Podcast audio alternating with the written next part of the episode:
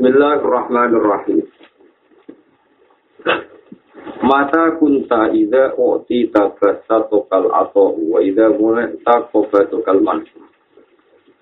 Fastatilla bidalika ala kufuti kufuliyatika wa adami syirkika fi kufuliyatika. Mata kunta nalikane ono sopo siro.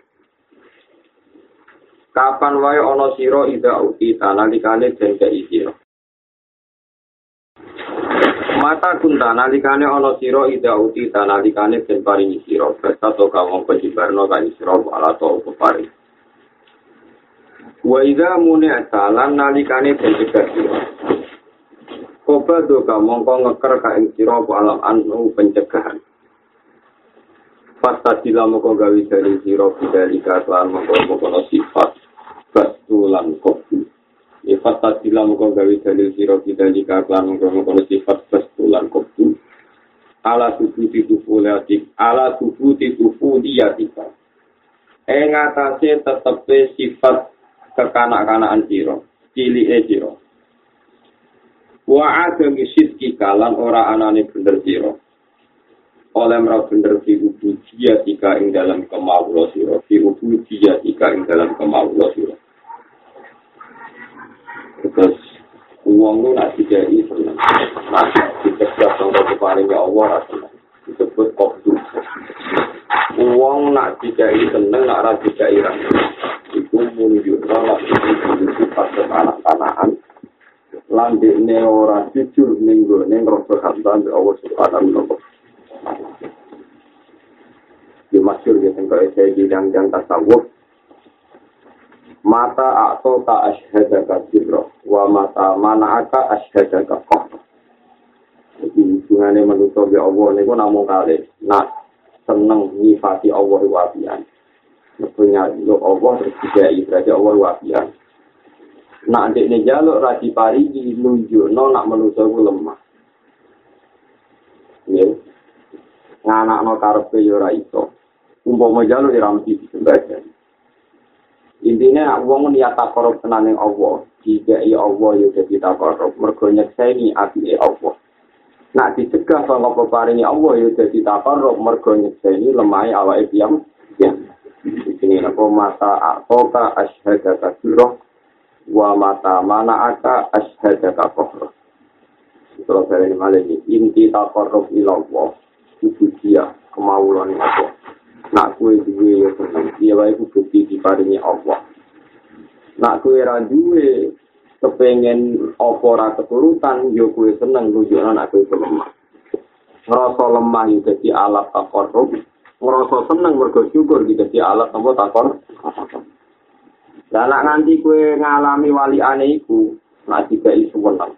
Tapi sekali itu terus susah, bergolak macam-macam. Berarti ku wata ami cek cilik lan kue urung kemawulo Allah subhanahu wa ta'ala.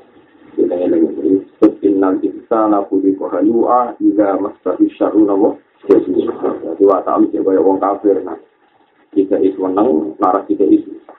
Padahal sing nentokno maslahate ngajak ora namung Allah subhanahu wa. Terus lagi. Ida wako amin kadzal. Ida wa ko analikane tumiba mingkal sangi sira apa zambun apa dosa. Ida wa ko analikane tumiba mingkal sangi sira apa zambun apa dosa. Fala yakun mongko ora ana apa zambun. Fala yakun mongko aja ana apa zambun. Aja ana apa zambun sababan dadi sebab liya si kamaring putus asa sira. Liya si kamaring putus asa sira. Min husulil istiqomati sangi hasil istiqomah.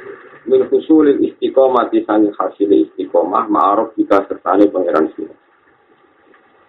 Ida wa analikane tumiba minta sangi sira apa zambun apa dosa. Fala yakul mongko sampe ana apa zambun iku sababan dadi sebab liyati kamaring putus asa sira. Ya putus asa min husulil istiqomah di sangi hasil istiqomah, hasil ibadah atau istiqomah. Ma'aruf jika sertane pangeran sira. Papa jakunu moko terkadang ana apa di kamu kono mongko dampun. Dosa iku kadang-kadang ana iku akhir jampin, iku akhir dosa. Akhir jampin iku akhir dosa. Kutiro kan den tektir apa jampun. Kudiro kan sing tekiro kodam pun ali kain atas itu. Di gue nak ngelakoni dosa atau lagi dosa ke rasa putus asa masalah ibadah. Jadi misalnya kita kecil berdosa, apa ibadah ibadah rasa putus asa. Iso wae dosa itu akhir dari dosa. Terus nyata nih, kalau warai carane para pangeran. Hidup itu oleh ulama-ulama yang para pangeran dihitung per hari. Nanti tambah para dihitung per menit, tambah para dihitung per detik. Artinya setiap saat, misalnya gue esok bermaksiat, setiap saat itu segala perilaku kita adalah akhir. Ya. Setiap saat itu ada kemungkinan segala perilaku kita itu yang paling nampak terakhir. Kadang wong tobat lucu, tenang. Misalnya wong duwe maksiat senengane delok wong itu. Itu duwe maksiat senengane bodoni wong. Orang soleh itu digodongin. Wah aku seraba kali to ngilangi maksiat iki jadi hobiku. Wah jadi nopo? Tapi ini gobloknya misalnya wong semania wong itu. Maksiat itu gak iso lepas ke delok wong itu. Padahal dia misalnya seneng delok wong itu. Aku seraba kali iso ninggalo dosa delok wong itu. Kita ora iso dosa nyanyi. Misalnya Senin dia ini maksiat. Dia ini ketika pubernya masih, umurnya masih, ngirane kan misalnya umur telung puluh tahun, nyongkone paling aku mari gue umur switra. Berarti dia ini kan gawe loncatan umur telung puluh nanti nopo switra. Paham ya? Lalu cek goblok ya. Warga aku itu sebenarnya itu mari kau yang itu nak sahabatku silang, itu umur hitung puluh. Cek goblok ke gawe loncatan umur telung puluh nanti kita miskin. Iso wae bermaksiat dino senen jam wolu. Iso wae kok pas dekne istighfar, misalnya terus gusti kalau kamel maksiat ae. Nah pas gue istighfar gue yakin bisa saja tadi dosa terakhir. Karena dosa terakhir berarti kita istighfar terus mati. Ya jadi dosa terakhir berarti terakhir istighfar. Jadi artinya apa? Orang itu disuruh ngitung hidup itu per detik per menit. Jika kamu punya optimis ketika melakukan kebaikan, misalnya bermaksiat istighfar, iso iki dosa terakhirku, pas aku mati, pas aku istighfar. Dengan teori ini, misalnya ke dosa lah ya. Jangan-jangan ini dosa yang terakhir gue nutup nyawa aku. Aku pas sampai istighfar, terus mati, Aku paham ya, meskipun ngoniku ya orang beruang ya, tapi harus dilatih. Lalu kalau tak cerita tentang hati sohek Mu'ad bin Jabal. Ada tiga sahabat termasuk Mu'ad. Setiap sowan Nabi, Nabi itu gawa. Gawa ini wonten malaikat sing nyiupi. Ya khosyat hul malaikat sing nyiupi sahabat-sahabat. Ketika ditanya ya Ros, ditanya Rasulullah, "Kowe dia malah nopo kok nganti aku ngerti malaikat ngawal gue terus?" Dan aku dikandani pangeran besok ben niku mau sak jengkal makom mbek nabi. Misteri ini muat, bahwa saya tidak punya amal banyak sholat, banyak puasa. Tapi fawwah la ahtu khutwatan illa wa azunnu alla ahtu wa ukhra. Wala alki muluk matan illa wa azunnu an la. Kulo niku kanjeng Nabi buat nate melangkah tak langkah. Kecuali saya tidak pernah yakin apa bisa melangkah berikutnya. Karena per detik dari hidup saya, per jengkal dari hidup saya, gantung yang rahmati Allah. Jadi aku nak melaku, langkah jebret buatan yakin iso ngelangkah menang juga setiap saat sakit mawon dibungkus nyawa pulau sakit mawon ora iso mampu melangkah malih akhirnya betapa ta'aluke piyambake kalian rahmate Kulo nggih boten nate nyang makanan kecuali boten yakin iso ngeles. Di wong ora iso kaya mentang-mentang sehat. Wong sehat kok mangan akeh iki terus kaya nopo. Aku sehat bisa melakukan wajo, juga ada masalah kesehatan, ada masalah macam-macam itu baik. Itu sih dari wali, jadi dari para pangeran, mesti kakian poso atau kakian jaga, terutama masalah rasanya hati. Kalau buat nanti melangkah langkah, kecuali tidak pernah yakin apa bisa meneruskan. Karena bisa meneruskan melangkah, ini kudroy Allah yang baru, atau rahmati Allah yang nopo yang Sementara setiap saat rahmat itu bisa diambil oleh Allah Subhanahu wa taala. Begitu juga masalah dosa, jadi eleng-eleng ya, nak durasi dosa. Kenapa Anda bikin perasaan ini dosa? Aku raiso nih kalau dosa wong nom. Tapi kan bisa saja bariku gue mati kan setiap dosa yang mungkin akhir gambin, akhir dosa. setiap toat ya mungkin akhir toatin mergo bariku mati. Berarti setiap hidup itu kemungkinannya dosa ya terakhir. Toat ya apa? Terakhir. Nah itu yang menjadikan gue istiqomah ma'arof jika ya sing dadeno istiqomah hampir pengen pengeran karena setiap jengkal hidup anda buat khawatir itu yang terakhir. Nah, tentu nak kue khawatir yang terakhir, kepengen terakhir itu dalam keadaan apa bang? Terus Iza nanti kane ngarep no siro. Ayub taka ingin to dan buka laka kedua siro apa babu rojai apa pintu arep arep Allah. Iza arota nanti kane ngarep no siro ayub taka ingin to dan buka laka kedua siro apa babu rojai apa pintu arep arep rahmati Allah. Fashhat mongko nyekseni yo siro. Fashhat mongko nyekseni yo siro ma ing perkara minggu kang saking Allah. Ilai kamaring siro. Fasyat mongko nyekseni yo sira ing perkara minggu kang sanging Allah ilai kamare sira. Wa idza arata lan alikane ngarepno sira ayub taka ing to den buka laka kedhe sira apa babil khaufi. Apa pintu wedi pengera. Fasyat mongko nyekseni yo sira, fasyat mongko nyekseni yo sira. Ma ing perkara minggu kang sanging Allah ningkakan sanging Allah ilaihi ma mingkakan sanging sira fasad mongko nyekseni sira ma ing perkara mingkakan sanging sira mingkakan sanging sira ilaihi maring Allah Wafale ini, Ida arotana likane ngarepno sira ayub taha ento den buka laka kedue sira apa baburu jaya apa pintu angen-angen. Pintu angen-angen ning rahmate Allah. Fasyad mongko nyekseni sira ma ing perkara minggu sanging Allah ilaihi maring sira. Wa ida arsala nalikane ngarepno sira ayub taha ento tin kala kala sira apa kabeh khofi apa pintu lebih. Fashat mongko nyekseni yo sira. Ma ing perkara nikah kang saking sira. Buat sekseni ilahi maring Allah. Ilahi maring Allah. Di mana nih ngaten Kue nak kepengen hubungan be Allah ngaku hubungan roja. Anane begi mau seneng pangeran. Kue ini di horok mati pangeran ini. nalikane kowe kepengin ibadah nganggo jalur kau peti pangeran iki ngopo kelakuan kesalahan kuwi ning dunya apa kesalahan nopo misalnya nggak tahu sana sing cinta sana poro yang yang ini. Misalnya sama saya tidak betul kanjeng nabi udah istirahat temporo nabi. Itu rakyat sini nabi itu tanpa ikhtiar. Ngerti-ngerti jadi ngerti-ngerti jadi nabi dan pun. Jadi kita ulama wali usia konstitusi dunia seneng jadi ternyata hati kita dibimbing di Allah Subhanahu wa taala kita ora tahu berjuang mati-matian kepengen ngaji itu kepengen ngaji.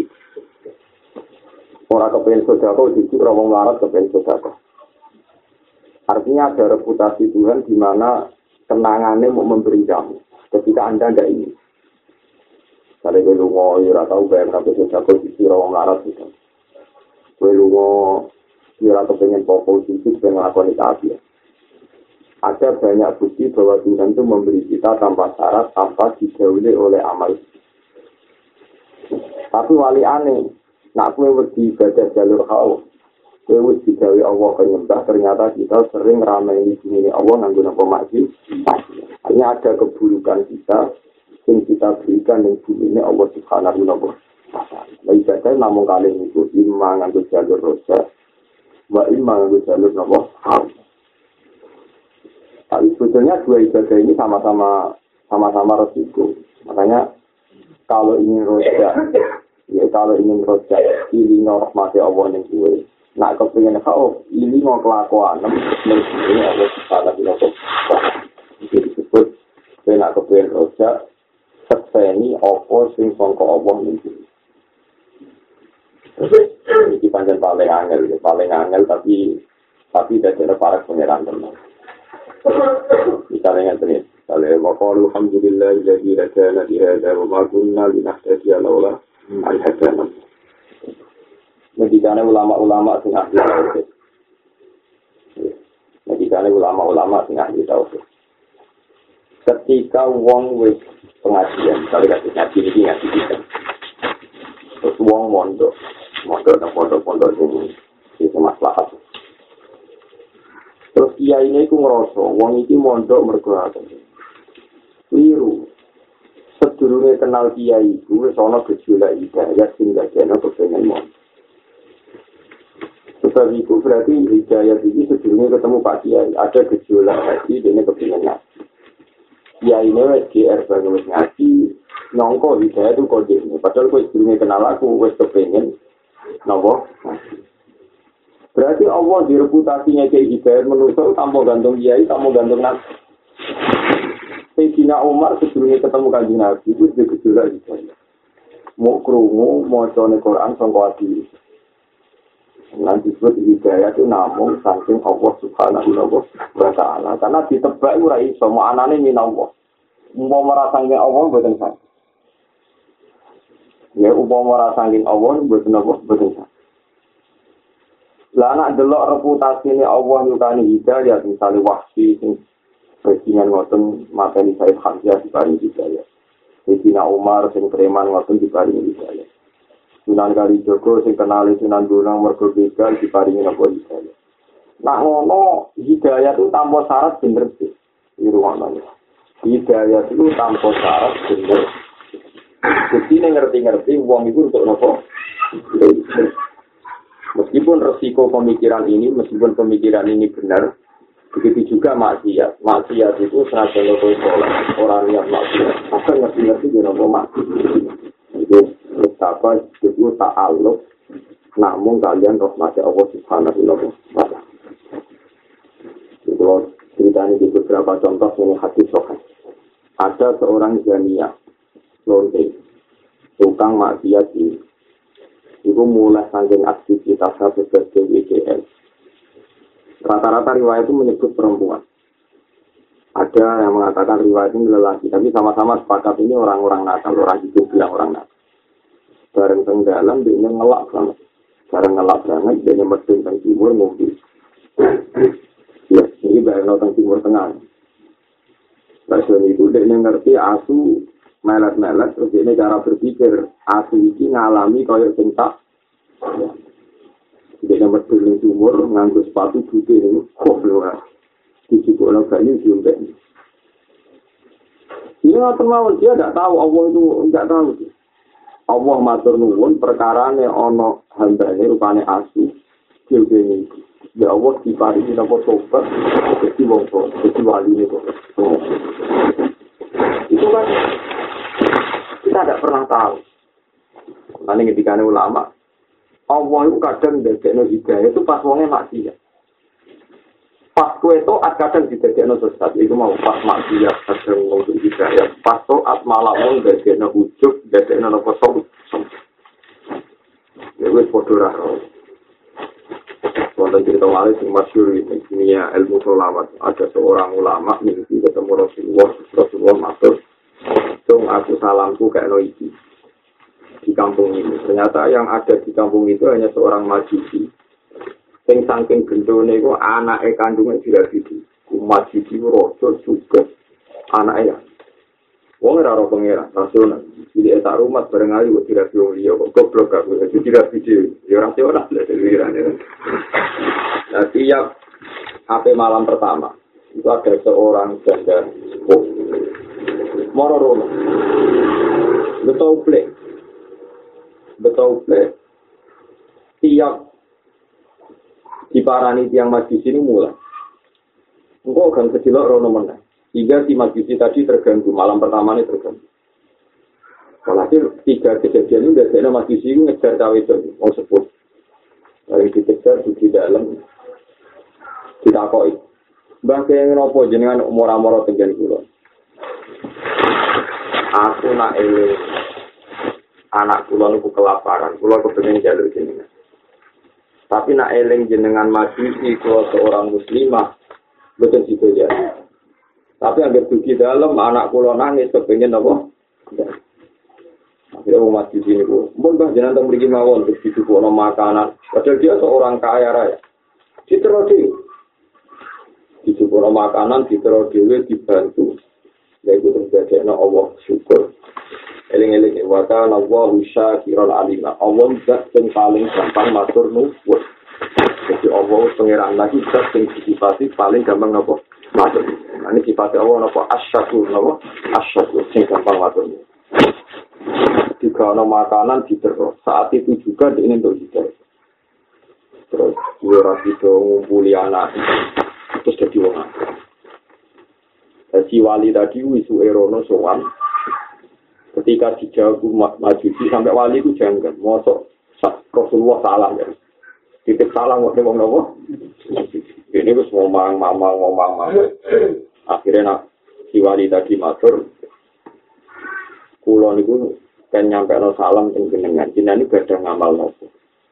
Ya umat sisi mau itu. Ashadu anna rasulullah ka rasulullah Aku nyeksa ini nak rasulullah Muhammad rasul benar. Sing tak lakoni gitu. Ini orang ngomong roh kecuali aku be wong itu. Kok nabi murah berarti nabi mu nabi tenang. nabi mu nabi apa? Jadi ini Islam. Lagi kita ora tahu roh. Hidayah tuh pas aku ngeloni anak, ono ngalami kejadian sing dadi ono dene untuk nopo. Begitu juga cerita-cerita yang lain. Misalnya Sahara tuh Fir'aun. Dene itu disewa Fir'aun kon ngalang no Musa. Disewa dibayar kon ngalang no Musa. Paham ya?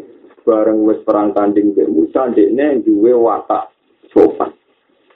Itu ketika mau perang tanding yang tentu dia disuruh ngelajar Nabi Musa malah imma antul iya wa imma anakku nanahnul mul monggo jenengan sing mulai riyen kulo Terus sempat kaget Mungkin ikut tukaran kemalah nopo sopan Akhirnya baru kayak di nerong Nabi Musa kepengen sopan Jadi no Allah mari nopo Lalu yang pertandingan sing didesain maksiat dan dia sendiri niatnya nopo maksiat. Ngawan nabi ra maksiat gede, tidak maksiat. Malah biasanya dia untuk apa? Nanti sampai lagi maksiat.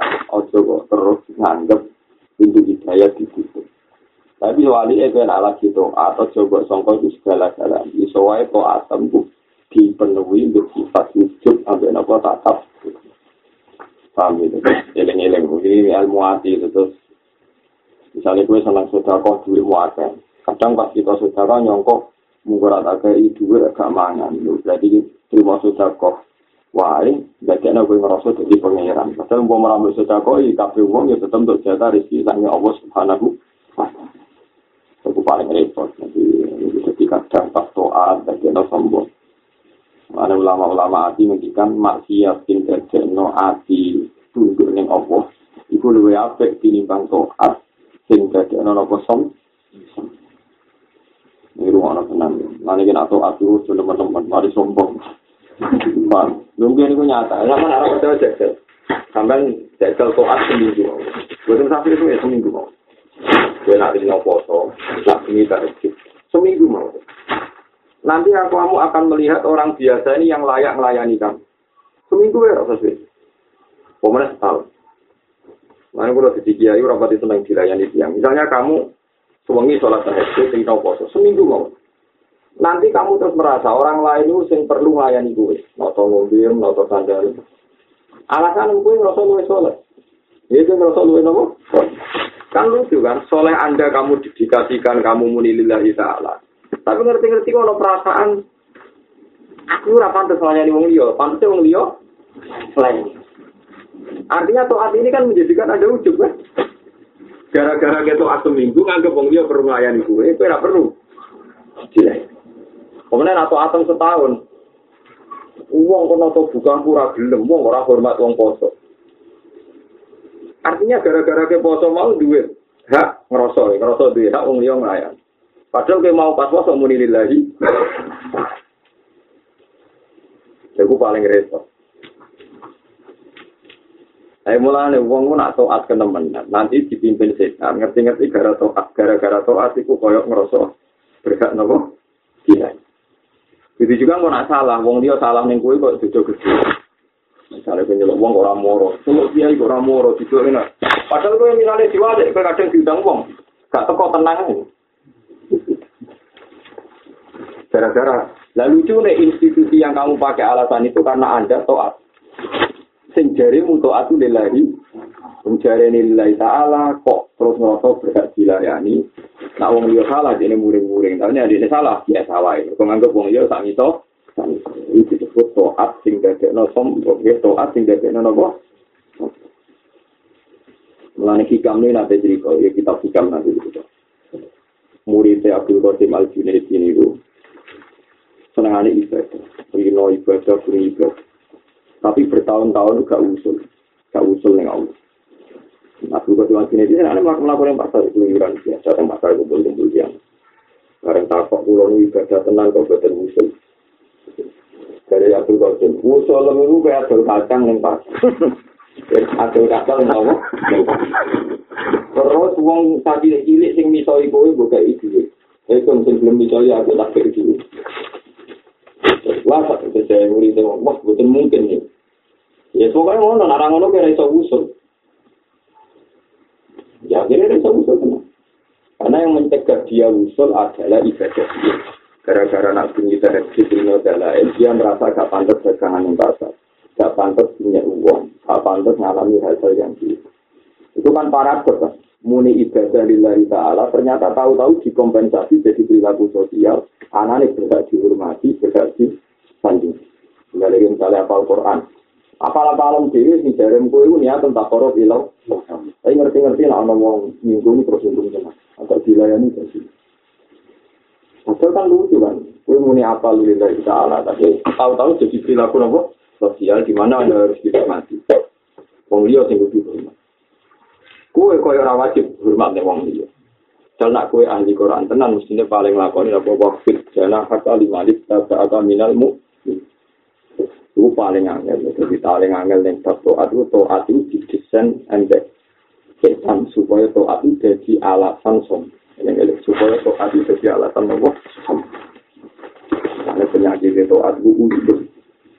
Ya, penyakit itu nopo ujung. Wali-wali-wali ini maksud tenang. Kuata wali, ngane marun ya kuat. Saking kesini ngelawan nopo ujung. Di biasa, ujung itu mesti teko piyambak. Di ujung itu teko nopo. Mana laten ya? Laten, nah, to'at itu itu over. Kalau over, itu mesti ngerasa untuk tak privat. Saking Allah subhanahu wa ta'ala. Itu bahaya. Yang nguramu di to'at lillahi ta'ala kok jadi nih. Rubama apa saja, terkadang maidai sopo. Rubama apa saja, terkadang maidai ka ini siro. Silai lil di ing dalam bengine kopet. Bengi kang yiku asdo sanging rahmat. Kopde niku manane asdo sanging pepare. Silai lil di, rubama saja, terkadang maidai ka ini siro. Silai lil di ing dalam bengi asdo sanging pepare. Sobdone maknane wong sing lagi ada kok keparing. Apa ma perkara lam tas tabit kang ora ngalap faedah sira ing ma di isra binahari pasti ing dalem padange rinane parke peparing. Rinane padange parke peparing. La tadruna ayyuhum aqrabu lakum La tadruna orang ngerti sira kabeh. La tadruna orang ngerti sira kabeh. ayuhum te bine wong akeh ku akrobu luwe para lakum kedue sira kabeh op apane naf'an apane manfaat la tadruna ora ngerti sira kabeh ayuhum te bine wong akeh akrobu luwe para lakum kedue sira kabeh apane naf'an manfaat jadi kadang pokoknya yang istilah tasawuf ya nak kobdun itu asur sanging rahmat. Nak batun itu nembe juga sanging nopo ketika ini ketika ini hikam. Kadang kue itu diparingi ibadah lebih dekat Allah. Pas lailin kopi pas asur sanging rahmat. Mereka dari no tasoro dari no sopan yang Allah subhanahu wa ta'ala. Sing ora iso mbok dapatkan saat akhir rahmat di saat akhir rahmat dari kadang tiang satu itu iso iki kabeh Wes kok kamu janji uang urip ora jelas kabeh. Tak bisa nak ngeneng kowe kabeh malah enak. Dadekno kowe ape nyaman di Allah subhanahu wa ta'ala. Mulane jarene hikam nak makhluk lagi ra seneng kowe. Iku pecut sangka pangeran ben kowe gak nyaman di makhluk, tapi kok nyaman namung ambek Allah subhanahu wa ta'ala. Iku disyukur ya nawang tak bisa ketinggu itu disyukur. Alhamdulillah, kalau dipaksa Tuhan untuk mau asik jagungan ke Allah. Itu jagungan ke orang yang nom. Paham ya? Ini itu gampang mau. Tapi nak lagi tonton-tonton seneng, antuk mawon mati Allah digilar ning bumi. Wong ra bumi kok anggere wong nopo dosen.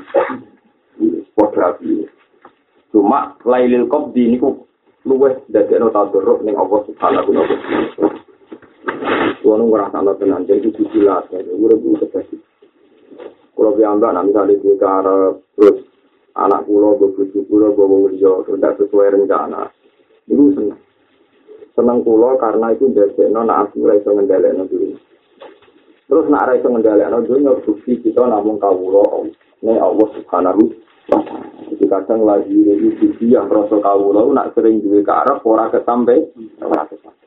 Jadi Lalu pokoknya nak ngaji hikam, jadi kabeh sing jadi tesir menungso itu kudune jadi alat takor. Ya kudune alat apa? Misalnya ke loro, keping sihat, orang sihat, sihat. Oke, saya kurang pengiran tenan keping mari, orang itu. Itu ya takor. Tapi ketika aku kasil ke mari, terus syukur ya takor. Jadi disebut, lain kopi ya kudu buat jadi takor. Hari pasti ya kudu jadi apa? Nah, ini kena. Urip diutang kabeh tak kabul kajak sih bae iki iki kini kita perlu pulo. Nopo-nopo kok boten kesampe? Kesampe. Wis wis semua mah ora terus kabul jero jero ono wis Mataliul Anwar al-Qulub wal Asrar. Mataliul Anwar utawi nggon metune nggon terbite pira-pira nur. Nggon terbite pira-pira nur iku al-Qulub pira-pira ati wal asraru lan pira-pira rahasianya awal sangka terbikin nur iku manggone sangka ati matoliul anwari utawi ingkun metune pira-pira nur. Matoliul anwari ingkun metune pira-pira nur wa al qulubu pira-pira ati wal asraru lan pira-pira rahasia. Nurun mustaudaun fil qulubi. Iku madad madad minan nuri alwarisi min khazain al-buyut Nurun utain nur cahaya. Nur mustaudaun alhamdulillah kang den salah no kang den tinggal.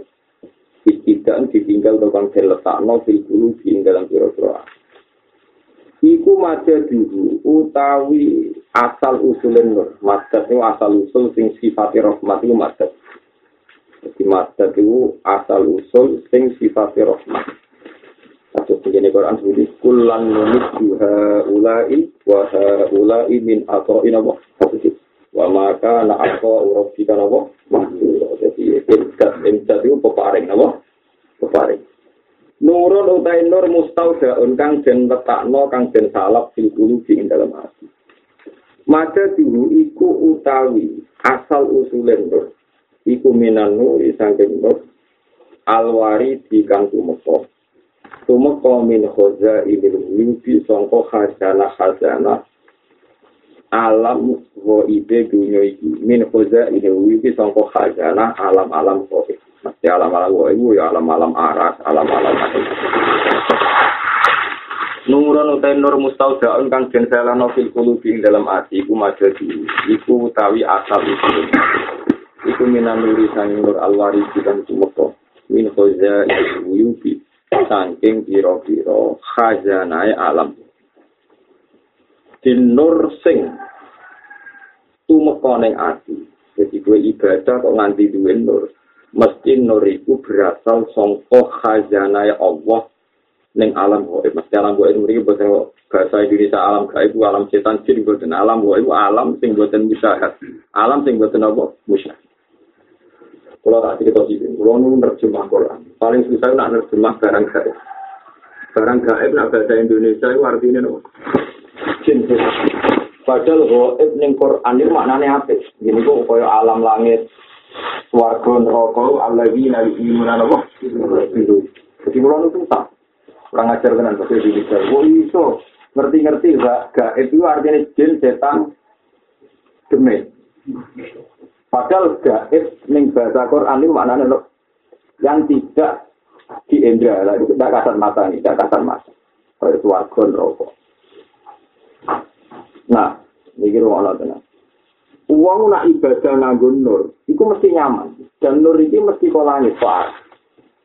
Di contohnya yang tadi, ini sing keluar asal. Bawah ini urusan ibadah roh. Saya sebagai manusia dia wedi mati suhu khotimah gitu. Saya tak rewangi ini yang dibeli aku dengan ahli neraka. Wes aku misalnya wes sholat, wes alim, wes macam-macam juga itu aku ahli neraka. Wah, tak rugi. Terus iya lah jadi ahli neraka itu. Mesti nur itu teko. Aku jadi ahli neraka itu ramah Tapi nak muni Allah Akbar itu barang mesti. Kalau marai carane carane takor sila. Misalnya sampean sholat Allah Akbar. Allah Maha Besar. Itu nyata. Coba nolih. Ini itu nopo. Nyatanya adalah bukti ini Allah gawe langit ini. Berarti Allah Akbar. Kue wujud terus diwujud lagi Allah Akbar. Terus wakil bukti Allah Akbar. Itu sing luwih jelas. Nah kemudian Anda mikir diri Anda, engkau nang oleh sholat rasi tompo Allah. Engkau nang aku tak rewangi ini tetap ahli neraka. Nanti kamu akan punya hitung-hitungan nol. Aku ahli neraka ra Allah. Wong iku ra mesti. Wong mau mesti iku yo ra iso status Allahu Akbar. Lah nek ra iso berarti ke pas punya Allah Akbar kudu tak nyaman-nyaman wong mau ke ahli neraka pun Allah Akbar tidak akan menjadi batal. Pancen hakikate Allah. Mana Jibril nanti dinya kalian ada seorang ahli neraka. Dia di neraka ratusan tahun. Mbak Allah itu Jibril. Aku krungu kaulaku wiridan ya hanan ya manan kok ri ning gone telengin neraka. Jae parani. Bareng diparani Jibril, Jibril takok. Ya. Kowe wis dilebok nang neraka kok iki wiridan ya hanan ya. Jadi kemudian itu Ya Jibril itu kok aneh. Wahalil hanan wal manan ilah. Wa masa aku pun rokok zat yang paling hanan, paling sayang, paling parah gak tetap. Wahalil hanan wal manan ilah. Sing zat sing iso paring rahmat. Sing sifatnya walas asing ramu Allah. Akhirnya Jibril matur Gusti. Yang niku aneh. Kulo tangkleti, dia malah jawab, lah ya Jibril, Jibril. Zat sing paling peparing mu Allah. Kok malah kok takok no sebab lo aku wiri wiridan sampai Allah itu ya kecil kandani wong pun wiridan ing suar tak warai nek ing rokok pen rada rapati suwe pasti itu artinya apa? Dan cerita hadis itu saya baca di Musnad Ahmad. Itu yang menginspirasi saya tidak takut suruh khotimah, tidak takut masuk neraka. Masuk neraka tak kira mesti. Umpamu ya lah, itu iso batal barang sing jelas. Rupanya Allah ru'at. Ya itu jenenge niku. Jenenge apa? Anda cara memandang Tuhan sudah dengan tidak kamu kaitkan dengan diri Anda yang profan tidak jelas. Tapi setan seringane ngoten niku. Wes gue rewangi ngono nang dibeli keto mau gledek arjin rokok. Itu setan. Terus akhirnya kok ibadah gak pati tenanan. Lu wong kawula nyifati Allah ora pati tenanan. Mesti kudu tenanan. Allahu Akbar, Alhamdulillah. Eleng-eleng. Mulane ciri utama malaikat hamalatul ardi yusabbihu nabi hamdi rabbi. Mereka maca tasbih tenang. Padahal para malaikat yang hamalatul ardi pun tidak yakin kalau dia itu orang baik. Nah, ceritanya ini, kaji Nabi pernah tenggine ngarep multazam, ngarep multazam ngarep kabeh. Delok Jibril tak manuk emprit. Padahal Jibril kurang kondang, tak manuk emprit. Geruduk-geruduk nanti kal hasiril bali. Kaya napa kuasa sing rusak. Terus dorong Jawa ngelemprak. Ini dorong Jawa ngelemprak. Kita kok ibu kaji nabi. Maha daya kita. Kau nganti ini itu dia. Kondo ya, ya Muhammad. Aku itu gak tahu yakin apa status saya seperti itu. Bisa wae setiap saat aku dirubah pangeran pun jadi setan, ayo jadi setan. Pun jadi matrudan ya aku ditolak pangeran. Ini dua yang multajam supaya statusnya dia Jibril di abadino selawase. Karena Allah iso wae ngrubah ini jadi setan atau jadi hamba sing diusir pengira. Jadi jangan kira Jibril terus aman, merasa dekat pengiran, bosan. Tadi Nabi nanti di Mirot, mengerti malaikat Mikael di ngoten.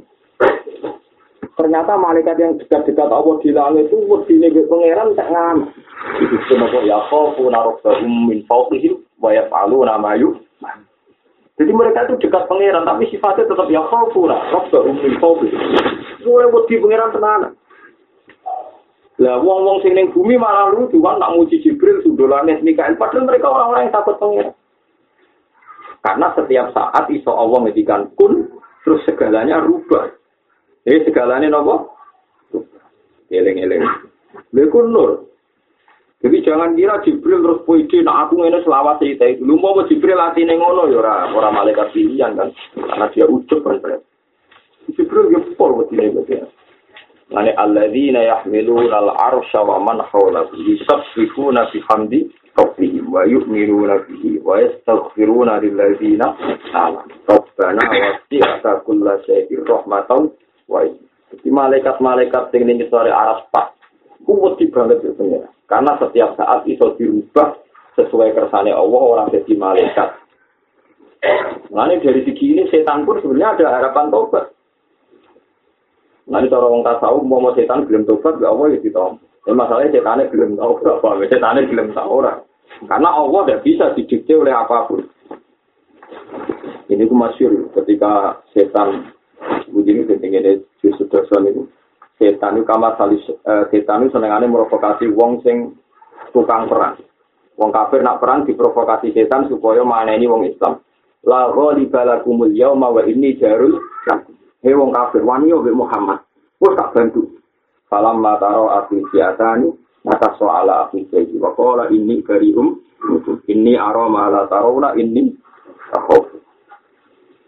Eleng-eleng. Jadi sak takwa takwa ini sampeyan tak wedi wedi sampeyan yang pangeran cek wedi setan, cek wedi nopo setan. Ke setan tahu roh suar, roh tenang kedijayaan Allah Subhanahu wa taala. Setan muka siapa mungkin roh tenang kekuasaan Allah. Makanya ketika pasukan Islam dek kafir ketemu, setan bilang wong kafir. Barang wes duel tenang, setan roh para malaikat ya. Maka soal lagi, jadi mulai mundur. Ini aroma la tarona wah aku roh ora roh. Ini aku ora roh. Ala min aku wedi tenan ternyata setan putra Jibril nawari dhewe jadi setan sing ngono. Melayu, lucu kan? Jadi falam mataro asil nama Biakani naka soala aku bayi wakola ini bayi umingkum ini aroma ala tarona ini aku Jadi setan itu wedi ning pangeran luar biasa. Wong dekne tiap bodoh anak Adam. Bodoh anak Adam terus anak Adam ini maksiat. Dia ucap nangis. Bejo kue maksiat, tapi nak istighfar terus bisa disebut. Lah anak anak Adam terus sujud, bejo kue kokon sujud pangeran gelem nak aku lagi. Makanya ratusan tahun, mungkin ribuan tahun setan itu kepengen tuh. Mengenai Mas Suri, kalau nanti kita bolak-balik cerita, setan itu berkali-kali minta Nabi Adam, Nabi Ibrahim supaya mediasi setan. Ini ditompo tobat ya Allah. Ya Ibrahim, anta khalilur rahman. Berilah aku kesempatan tobat. Matur yang pangeran jenengan udah kasih pangeran. Dari Ibrahim aku rawani. Kuwa ben aku mengirawani. Itu setan itu masyur berduda ayo nopo mes. Tapi melete ning ngono iku kok. Kira rawuh ning Nabi Musa. Setan. Nabi Musa itu masyur Nabi kalimu. Musa itu secara pentingnya wani matur pengiran. Jadi Musa yo, aku tak matur. Jadi jadi sama Nabi Musa gak simpati benar setan. Barang Allah mah, napa Nabi Musa matur Gusti kula nu diparani setan bolak-balik nyuwun supados piyambake dipihak napa? Dokter. Pengiran yo mbok piye hitungane kowe walhasil yo ora apa-apa. Aku setan tak kira tobat, syaratnya itu. Dia sujud nih kuburannya Adam. Gue ngaparo ini di sini belum sujud nih Adam. Ini dia sujud nih kuburannya. Semuanya nggak bisa. Artinya ada solusi kan? Ada apa solusi? Ketemu setan. Studi ya kali mau wah. Gue pangeran. Gue kon sujud nih kuburannya Nabi Adam. Oh setan itu asli Aas di rumah ikan lokot taat di rumah ikan. Pengiran ubi ya, zaman itu udah kalau mau sujud mulai mati. Dasar setan. Terus akhirnya bisa kecewa, dasar setan. Jadi aas di rumah ikan lokot taat di rumah zaman udah kalau sujud gak gelem, mana saya semua ada yang kuburan, malah gak gelem. Akhirnya nakalnya kan tidak itu. Tapi setan mesti pengiran. Jangan kira setan. Kami kalau saya nahu kama kali setan itu sekolah di insani fur falam maka faroh. Sekolah ini dari uminka ini aku wara robbal. Di setan wong paling mesti pengiran. Jadi sedikit mesti pengiran. Tapi tetap gak nurut. Tapi mesti. Karena apa kok mesti? Karena dia tahu betul tidak mungkin melawan Tuhan itu tidak mungkin. Paham? Ngelawan Tuhan itu tidak mungkin. Jadi setan itu di pengiran tetap tetap masih ya aneh kayak itu ya aneh tenang. Di pengiran tetap nopo. Paham ya lengi Jadi kena duwe nur sing kamu akan menyepelekan barang-barang khawatir. Kue mlebu neraka ora iku makhluk. Nate pemsoben suul khotimah, itu khotimah, yo makhluk ora bentuk. Tapi status Allah Akbar itu jelas dan tidak diragukan. Sebab itu gue ngendikan Allah Akbar berarti ngendikan sesuatu yang sangat apa jelas. Sebab itu jangan kotori, jangan ragu oleh hal-hal yang sifatnya pribadi mikir nasib diri. Dan aku ibadah ngono itu berarti kewe nur. Terus duwe napa? Tapi nak ibadah mbok taklek ambil barang sing sifatnya makhluk. Kalau nyaman ibadah Gusti nak mbok jamin bu swarga. Nak boten mbok jamin di kula ibadah ra nyaman. Lah Allah takok, lha opo kowe nak mlebu neraka terus aku ra pangeran? Ya tetep pangeran sih. Lah nak tetep pangeran lagi mbok sembah orang, ya tetep wajib sih. Ya wis kena rokok ae tapi tetep nyembah aku ya kan. Karena sesuai aturan nak kowe kawula iki pengen Tapi nak kowe nak lekno jenengan tak arani pangeran Gusti nak ngono kula swarga. Kali boten ora tak arani pangeran. Lah sing garane aku ora pangeran ning rokok. Lah rokok kan nggih. Paham ya, makanya be Allah itu coba takluk, no?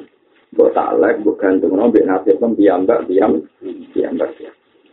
Aku nak ibadah wis orang nak lek ini jenis ibadah dengan jenur, dia ibadah dengan jenur apa? Nurun yuksafu laka bihi an agari, wa nurun yuksafu laka bihi an asari. Nurun, utawi nur. Yuksafu kang iso kabuka laka kebi siro bihi sebab nur. Iso kabuka an asari hisangi siro-siro asar asari Allah. Wa nurun dan nur yuksafu kang kabuka laka sedih siro di landur an auto diri saking kira-kira serase Allah. Di masalah-masalah apa istilah ini masalah-masalah ilmu usul. Ono nur sing kowe buka sapa.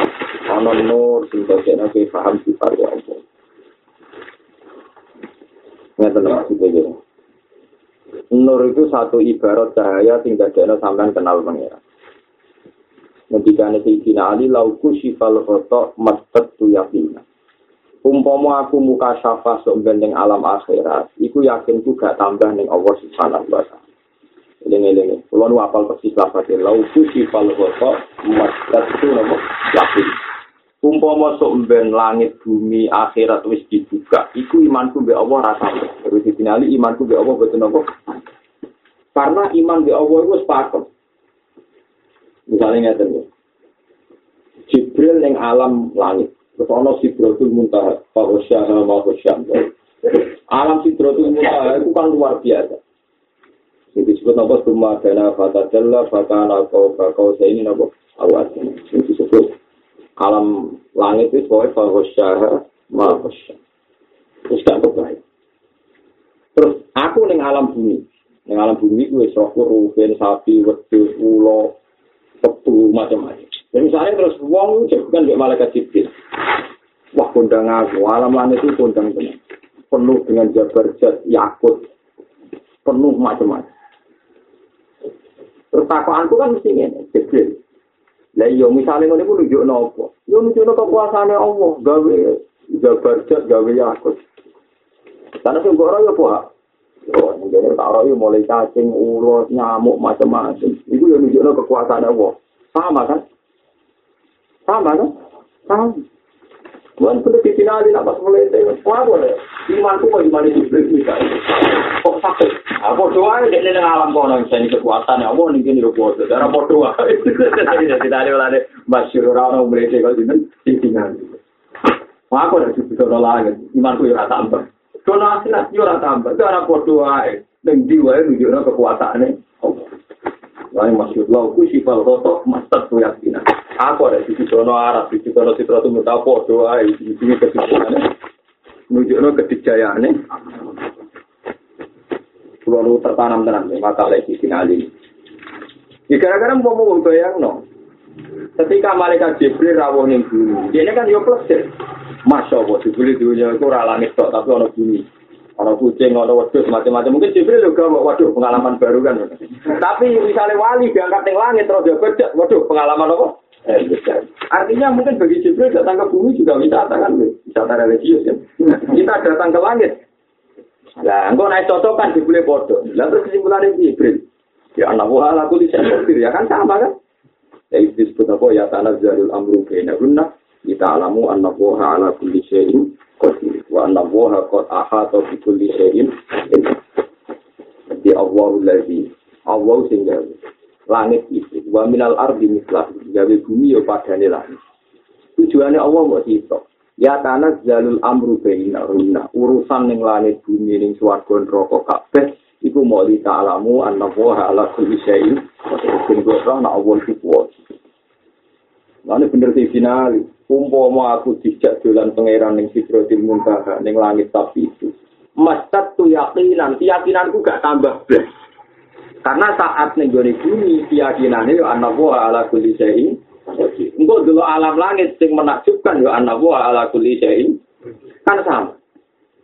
Jadi sing disebut imane poro wali kaimani jibril mengalami masyur salah satu kotir perkaya anak asrof ini sarof jibril aku wis mobil songkok ini saya jibril luar kita kan masyur ya wali-wali nak kan aku wis mobil songkok ini saya ini jibril misalnya aku wis ngelani neng sini neng segarane jibril misalnya masyur satu kotir aku hasan atas jadi itu mana nih kafe ngoten Alah paling pun atau cocokan darah bodoh. Kesimpulannya anak buah ala tulisain.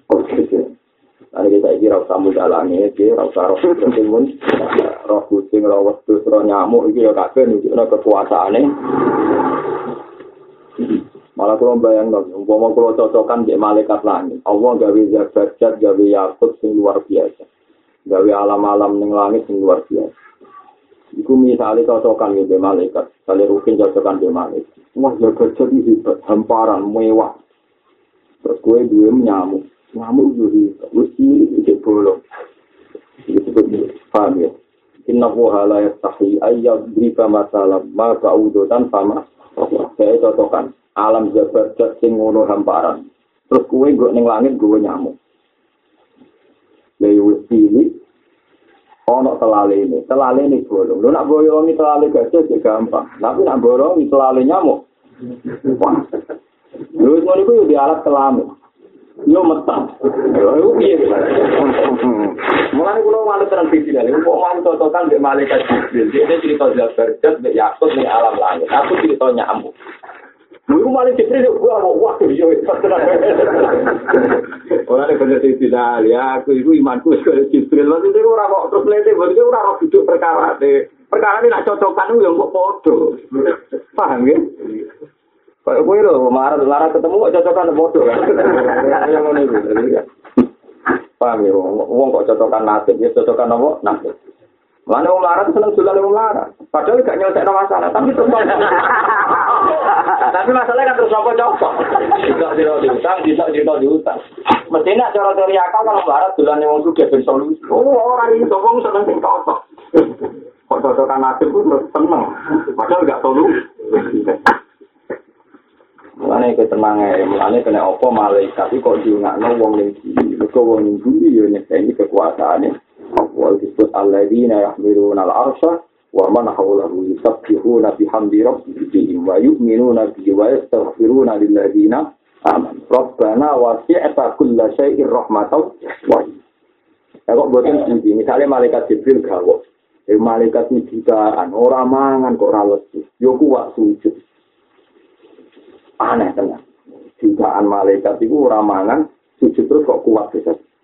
Dari malaikat itu kondang tenan pangeran. Mikael itu kondang tenan pangeran. Terus ana kanjeng Nabi Abdul Khalqi ning bumi. Terus gawa contoh, dunia itu wong sak monasi mangan kabeh. Nyamuk juga jutaan kok ora sing terlantar. Mangan kabeh, iso selingkuh bareng iso pelon kabeh. Nyamuk. Waktu sak monasi ulo, cacing ning bumi yo keduman rezeki. Ayo nak kajian contoh. Kira-kira Jibril ya iya, itu ya ada kan. Karuman digawe ramangan, jadi iki ora digawe mangan tapi udah tetap mangan. Itu kita pangeran ya dia lo biro. Sulaiman wa nabi nabi mereka. Dia ini saking suci itu nanti nyuwun pangeran Gusti. Beri saja saya satu hari makani makhluk terjadi. Di pulau siang juga, juga dari pangeran. Kemudian di pakaran tak lapangan. Lapangan terbesar di Palestina jinjung ngumpul semua makanan. Terus apa ono pesta prasmanan, gajah oleh mangan, singa oleh mangan, apa oleh mangan. Terus sedina kok. Barang mau dikumpul sak lapangan, Allah ngutus paus biru. Luandon. Tekol jek di pahan aku tak. Dia ada seketimbang, kulo tak kabeh. Akhirnya nabi le kok mboten takut. Lah iya, kowe suka lagi sepi. Ya pangeran makani dinosaurus. Iya. Mun piro? Urung ngatur uripe iwak teri. Jumlah ini biasa nih, Pak. Itu yo ono jogo, yo ono alat kelamin, yo ono kiri, itu kiri. Aneh gitu, udah berjat. Aneh gitu, alam yakut udah berjat. Mulane nang ati Quran kira sama. Itu sunah wa ya'tana jalul amru baina guna mu di ta'alamu anna wa ala kulli syai'in.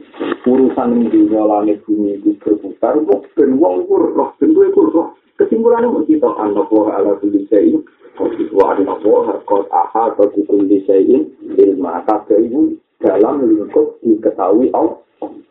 Tiga iwak teri tujuh miliaran yo mangan itu golek pasangan yo kok duwe anak duwe bentuk kok hewan lemah ngono kok urip ning laut. Lha kuwi nak delok contoh paling aneh manya nyamuk mbek iwak teri. Nak hiu iso urip ning laut bisa iso dinalar. Karena badannya kuat, dia diubah ngambilkan ombak rapo. Kulit iwak teri tuwi, urip ning tengah laut itu tenang ya. Lha kalau diberi kok aneh ini. Makane itu masuk ke satu kau ngedikan aku wis ngombe imane napa? Wis ngombe imane Bisa, maksudnya juga cocokan toh kesimpulannya di anak ora ala kulli syai'in begitu juga ibadah haji sodako. Kabeh iku kudu dadi alat kesimpulan nak kue nyeseni kekuasaannya Allah. Allah itu nopo ja'ala wawul ka'batal baital haroma siyamal linnas wa syahrul haroma wal hadiya wal qala'i kabeh kabeh tak jadi Wong mayoran tak gawe. Pangeran dulu bukan bakat kabel, bakat mayoran. Jadi rata buat apa untuk tidak opo. Mereka mau sitok tok tujuan pangeran. Jala wawul ka'batal baital haroma. Kiamal binnas. Kabel tak gawe jadi sistem ekonomi. Gara-gara Ka'bah haji tapi ya juga juga. Paham ya? Maklar-maklar mutawin jadi. Lu baru kayak Ka'bah itu Amerika. Yang punya Boeing, direktur Boeing itu bilang, termasuk bisnis prospek berbagai umroh haji.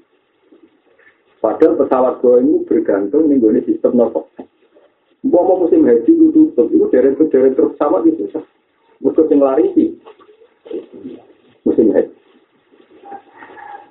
Ya malinas, wasyahrul haram wal hadi wal qala itu nopo. Dari jadi ta'lamu anna wa ya'lamu ma fis samawati wa ma Yo kok ben kowe kuro ana Allah ku sing pirsa. Ning aturane langit tebek nopo bumi. Lha wong kabeh kok digawe kotak.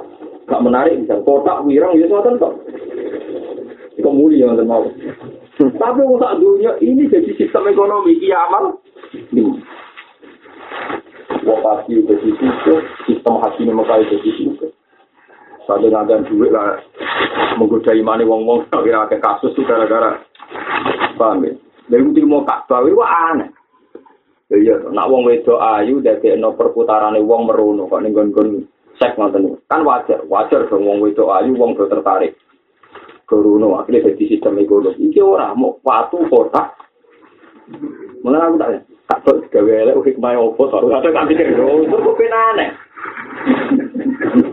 Nek wajar wajar iki. Bisa nopo? Belum gitu, kayak wisata nih Italia, nih Vatikan menarik kan sungainya bersih, wong itu ya utuh-utuh. Kalau wong tertarik rono kan anak normal itu. Tapi orang kota, wong itu juga digotor, waduh, tapi wong tertarik, itu pengeran, akhirnya sama. Uh, jadi malah menarik, malah aneh kan. Ya, gak ada ibadah di rumah, kok wong. Tapi waktu kota, kemudian kok Nah, itu nunjukno nek Allah itu kuat. Paham ngeling-eling gawe iki nek lo kusi kalau kota maksud tu napa? Ya. Mana kalau nunggu buatan kepengen, waktu waktu tentang langit buatan kepengen. Kita angan-angan, Umpama jenggen kalau nak kenal Jibril kita ada cocokkan. Tadi dia di contoh jabajar, aku di contoh nyamuk. Kok dia di contoh jangkut, aku di contoh ikan poter. Oh, mau doa, cocokkan. Dan itu tidak gawe-gawe. Kalau jauh nawa inna wa ala tapi ayat ini sama dalam ma baudutan sama. Kabeh ulama dawuh pama pokoke maknane langsak dhuwure nyamuk efisirot. Sing luwih cilik dibang nyamuk. Iwa nyamuk luwih cilik, tidak metan. Nah, terus anak itu malah kebiro. Anak itu sendiri ya di organ tubuh. So organnya Kalau saya bayang, sarapnya menusuk itu ini, nak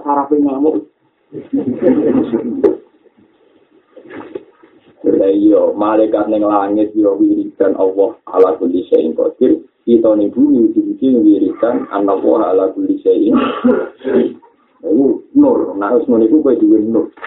Lah nur sing ning bumi iki tetep masih dulu minan nur alwaris min khazainil kul. Tapi foto be nur-nur sing teng alam napa lah. Nak makom wis ngene iki, paham ya nak makom. Tapi nak makom koyo bahaim koyo kewan yo repot. Permangan gegek. Kowe nak permangan kowe nak gitu. Terus barang permangan enak. Nak metem barang terus susu terus anggap tunggu. Eh sing ora kon malaikat iki ora urip ono tok kewan iso bermangan anggap. Tangi turu mangan meneh. Engko mau kamu aku kesel turu meneh. Nah ngono malaikat gak gawe iki opo maksudnya piye urip ngono. Ngapa ngomane Allah gak seneng wong sing ngapa ngomong maksudnya ora sampe opo ning dunya iki. Mane ngendikan Nabi atas tau bina syaiton. Angabu sangka napa? Setan. Lah urip nang ngono mangan parah gek. Terus aku Itu tangi mana gue kocok jagungan. Sewi itu barang jelas-jelas cerita khayalnya ngelamune. Ini gue duit agak nolak nak dulu, itu duit agak ruhe tak cocokan. Dari malaikat itu maksudnya video. Tapi bisa nak gue bumi terus berita Allah Akbar Subhanallah Alhamdulillah. Malaikat itu tidak janggal karena lapat ini yang dipakai juga di alam. Jadi malaikat ternyata sama yang dilapatkan. ternyata apa? Sama. Tapi nak gue boleh duit itu penting dari malaikat. Apa malaikat itu nggak kenal bahasa duit apa? Bingung kan malaikat? Apa maksudnya? Jadi nanti muni Allah Akbar, malaikat paham kan? Karena lapat ini yang dipakai di alam. Tapi mulanya aku pengen malaikat memahami anda, pakailah kalimat-kalimat yang sama-sama dipakai para nopo. Malaikat. Itu terus malaikat itu akan menemani anda. Nahnu awliya hukum fil hayati dunya wa fil akhirah. malaikat-malaikat itu sebenarnya aku mati disambut Allah takhofu wala kok jadi para malaikat nahnu awliya hukum fil hayati dunya wa fil aku itu kancam cek zaman dunia cek zaman itu benar alamat kenapa jaga konco karena lafaz yang kita pakai ya lafaz yang dikenal malaikat cara berpikir yang kita pakai ya cara berpikir yang dipakai malaikat Iku bodoh-bodoh nyimbolno anak buah ala bisa ini Mulane dimaksud iki innal ladina qalu rabbuna wa summa taqom itu takana jalu alaihimul malaikatu alla taqafu wa la Malaikat melok nyambut. Lah kok konco. Nah, tapi kan nang bumi wiridan.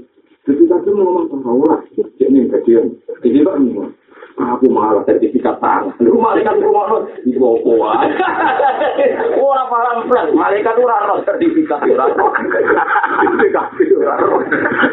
Tapi lah gue untuk sholat apa, akbar, subhanallah dari malaikat ini kawan kami. Karena dengan lapat yang Mengenai gue betul nanti kasih ada BPK. Kuatir Tapi yang biasa, ya biasa. Itu ya rahmati pengiran. Itu rahmati. Tapi pastikan malaikat itu tidak kenal istilah ini. Itu saja. Kalau bukan pastikan mereka tidak kenal. Kalau BPKB, ono utang, ono duit itu penting. Lu gue mau duit penting gue pengen biro, mulai urut nganti mati. Tak cara gue dicatat. Gue mau subhanallah, duit gue penting gue akeh. Gue tak fair mawar. Lu mereka kan janggal, lu yang bumi Allah, yang mau duit penting gue subhanallah yuk. Duit gue penting, dan arah duit gue sumpah. Gue ngomong ngono penjiro. Rumah kamu rasi catat. Bang, semoga di sepuluh pengiran ya, ini baru kayak gitu di kerjanya ada. Ini khataman di sisi, soalnya kalau suwun mau ya, jadi kalau ingin berkawan dengan malaikat ya, innal ladina qalu rabbuna wa kita tanah jalu alaihi wal malaikatu Allah takhafu wa la wa abshiru bil jannati allati kuntum. Malaikat dawuh nahnu awliya'ukum fil hayati dunya fil akhir aku itu kancam aulia itu konco akrab wali. Aku itu kancam di zaman keling dunia di zaman aku. Kenapa malaikat teman kita? Karena kita membaca tasbih, membaca tasbih. Kalimat-kalimat yang juga menjadi aturannya para malaikat.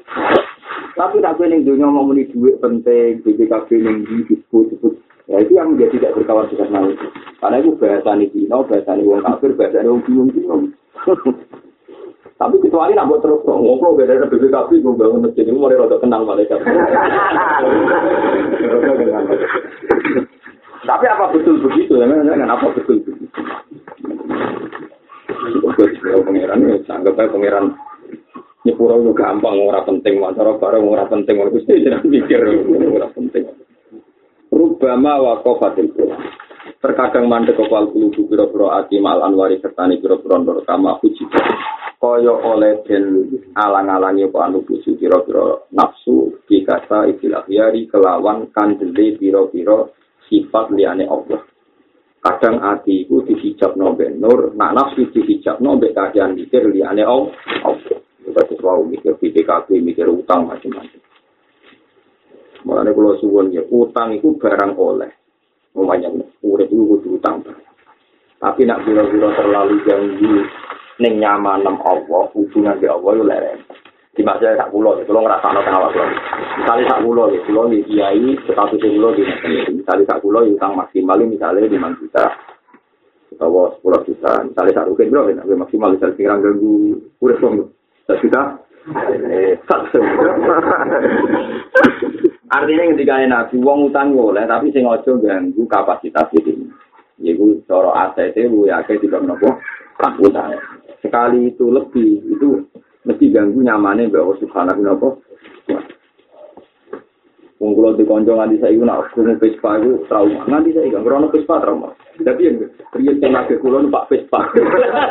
Kenapa Vespa iku trauma nek krungu suara Vespa nek. Mandi kali ngoro Vespa mesti daerah karo. Terus di sing nasi numpak nopo. Repot ora mau nganti kono. Terus pangeran bisa kunci.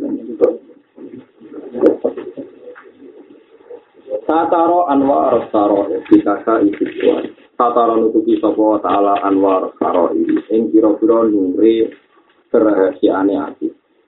Jika nuri kerahasiaan, rahasia no pemawon. Dikasa isi jawa ini kelawan kanjile piro-piro barang doa. Allah itu nutupin nur kelawan barang-barang sing kita mripat. Tujuane ijilalan krono mulyakno. Laha maring anwaris sarori. Antuk sadala. Ing yen to dadi napa anwar sarair diwujud di hari kelawan wujude penampakan. Jadi nur-nure Allah wong sing parek-pareng Allah itu ditutupi be Allah dengan perilaku dohir sing kaya umumnya wong. Ben nur-nur mau terhormat ora dadi murahan mergo ketok itu disebut as-sadatul maknun baik Quran Allah fi kitabil maknun Jadi nur-nur sing parek be Allah itu ditutupi be perilaku-perilaku sing kaya umume wong. Mergo nur-nur sing rahasia itu dimulyano Allah. Mulane ora tersentuh alam kasat mah. Ketika ini pangeran aku iku ning gone atine kawulaku sing ikhlas. Iku jenenge nur. Jenenge apa? Mergo nur iku nak nganti terbuka dadi murah. Ijlalan daha antuk tadzala biwujudil et Saking murah dari ke malaikat kiraro. Mulane ketika Allah tak hadis kursi. Al ikhlasu sirrun min asrori. La ta'rifuhul malaikatu fatak tugas. Wala ta'rifuhus syayatinu fatuk sih. Uang nak ikhlas itu sing roh mau aku tok. Sirrun min asrori. Malaikat ya roh. Mulane malaikat sing top-top lah ora iso nyatet ikhlas kulon. Mergo ikhlas itu sirrun min asrori. Tapi enak ya setan yura roh mulane ra iso ngrusak. Jadi malaikat itu udah sempurna. Jadi amali wong sing ikhlas itu malaikat kan. Tapi yo setan ora Jadi malaikat yura roh mulane ra iso nulis. Mak setan yura roh mulane ra iso ngrusak. Ikhlas itu hubungan namun kalian Allah Subhanahu wa taala. Nah, nak kue ikhlas tenan ben langsung swarga pengiran di disebut innal muttaqina fi jannatin wa nahar fi maq'adi sidqin inda malikim muqtadir. Jadi wong sing sampeyan ikhlas itu swargane langsung pikir pengira. Mergo zaman ning dunya ibadah kabeh mung kanggo Allah Subhanahu wa taala. Paham ya? Nah, iku ngono-ngono iku gak pengiran ditutupi. Wong-wong sing ikhlas sawane ning dunya kok umume wong. Kalau kan ada gitu, ngomong ikhlas yang kumpul tiang itu kuat. Jenenge Uwais Al-Qarni. Ini penggayaannya tentang bahasa. Iya, wali-wali Abdul di kata sing hasil keramik tentang pasar Arab, tentang pasar Ini kata umum media. Karena hubungannya dia dengan Allah itu spesial. Ojo kok PPT para pangeran terus mendapat tempat khusus, malah wong terus melayani gue. Lan nur itu jadi murahan karena nur ini Anda kompensasikan dengan barang-barang dunia Harusnya nur itu benar-benar apa tertutup harus privat. Lalu Abu Yazid Al Bustami pernah ditanya, kenapa engkau balas sama balas? Kok jangan belajar dengan tinggal Aku itu ibadah telung puluh tahun, tak latih supaya ikhlas. Ketika aku di ajak pengiran yang alam malaku kita kok ya Abu Yazid, apa kamu tertarik pada langit ini tidak ya? Aku tidak nih suaraku. Kue tertarik sih tapi suaraku buatan. Tidak nih rokok, kue di gue buatan. Terus anta abdi hakon, panjang kue iku kau laku tenang. Dan itu karep nopi, zatu kaya robi. Dia kue awur jenengan. Ya itu nur. Karena setelah kamu tahu neraka, kok statusnya di makhluk. Ngerti suaraku di statusnya. Kabeh alam dunia itu statusnya makhluk. Nah, wong-wong sing wis lu kulillah Tumbazar hum fi khawdihim ya Kul jabo siro Allah Kabeh ning dunia namun kersane Tumbazar hum Suang dia itu bareng. Fi khawdihim ya abdi. Dia ngomong apa ya Jadi mau misalnya nonton Ono wong ning dunia ngomong duit itu penting Mau nara di duit sumpah. Wis bar ngomongan apa Itu kudu ngerti Nak silsilai wong seneng Iku mergo rahmati Allah Orang mergo duit Nah, misalnya dulu penting, sana lagi itu Kaiso tuku sego. Saiki sego duit penting. Iki. Mending sego kan buktine duit mbok bayar mbok tuku nopo. Nah, tapi misalnya gue muni sego itu penting, penting di cangkem. Misalnya orang sego orang cangkem ke setru kabel. Gue muni cangkem penting, awak penting. Sesuai muni sehat penting. Lah umpama manusia itu sadar itu nak ngomong kan ini. duit ku yo penting, beras ku yo penting, sehat ku yo penting, cangkem yo penting, WC ku yo penting, weteng yo penting. Ya kan kan ngomong ngono. Padahal kita ngomong duit tok penting kan yo keliru. Misalnya di duit tok sak dunya di duit kelihatan kabeh. Tapi Allah ora gawe banyu, ora gawe beras, tapi opo? Eh, jajal tapi opo? duit ku penting, gara-gara duit misalnya bisa mendapatkan sing tak karena ayu kabeh. Misalnya. Engko yo butuh wedok iku gelem. Wong wedok iku sehat. macam-macam. Tapi manusia pun duit banyak spesial kan. Kok paling sering disebut? Maksudnya padahal perangkat yang dibutuhkan manusia kan banyak. Tapi untuk duit banyak spesial nanti itu. Paling sering nopo. Apa itu nanti itu duit? Ya tapi aku mau jika anda demikian itu anda pakai bahasa yang tidak dikenal malaikat. Akhirnya kau orang untuk kitab nahmu aulia hukum fil hayati dunya nabu fil Kata orang untuk bisa bawa ta'ala anwar saro ini ing kira nure jika sai itu lawan petenge sawakan dulu kira-kira barang itu jelalan kira nombol yang nomor lah nomor anwar saro antuk tadala itu jadi ini jadi murah nopo anwar. Jadi murahan sik lu maknane murahan diwujudi. Dari kelawan wujude penampakan. Jadi sir-sir seneng ati itu disimpan Allah waktu ikhlas. Ikhlas itu ngendikane Allah sirrun min asrori iku urusan kutok ambek kau laku sing ikhlas ikhlas malaikat roh yo ora iso setan ora roh mulane ora iso ngrusak mulane wong ikhlas juga diganggu setan illa ibadah kamin umul muh Karena apa setan kok putus asa gudung ikhlas. Mergo roh wae ora. Gudung anak roh. Ini roh ora. Paham roh wae apa? Wa yunadala itu jadi undang-undang apa nur wa yunadala alih. Wa yunadala yang jadi undang-undang apa alih yang atas anwar salair di lisan istihari kelawan besan kemasyuran. Di lisan istihari kelawan besan kemasyuran. Jadi disebut kali khatam ya alhamdulillah yang dari Allah diteruskan Allah Islam itu termasuk undang tenan, nanti raja arab mau. Iso kata